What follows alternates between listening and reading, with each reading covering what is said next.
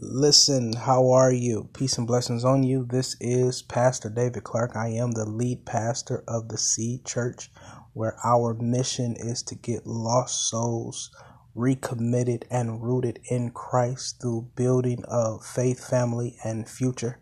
Listen, we are in um, service to restore the hope to lost souls and to build uh, families it is surprisingly staggering that um, there is 65 70% of households that consist of single single parent households meaning there is no father in the house.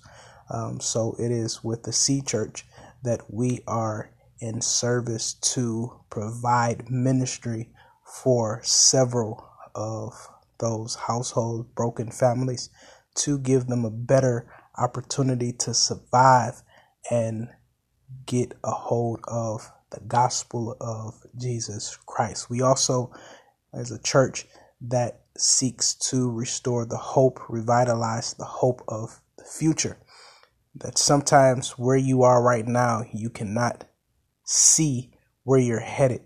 So, with the vision of the Seed Church, uh, we have several ministries that are in motion to restore um, vision and your future. So in Jeremiah 29 11, it says, I know the thoughts that I think towards you, thoughts of good, not of evil, to bring you to an expected end.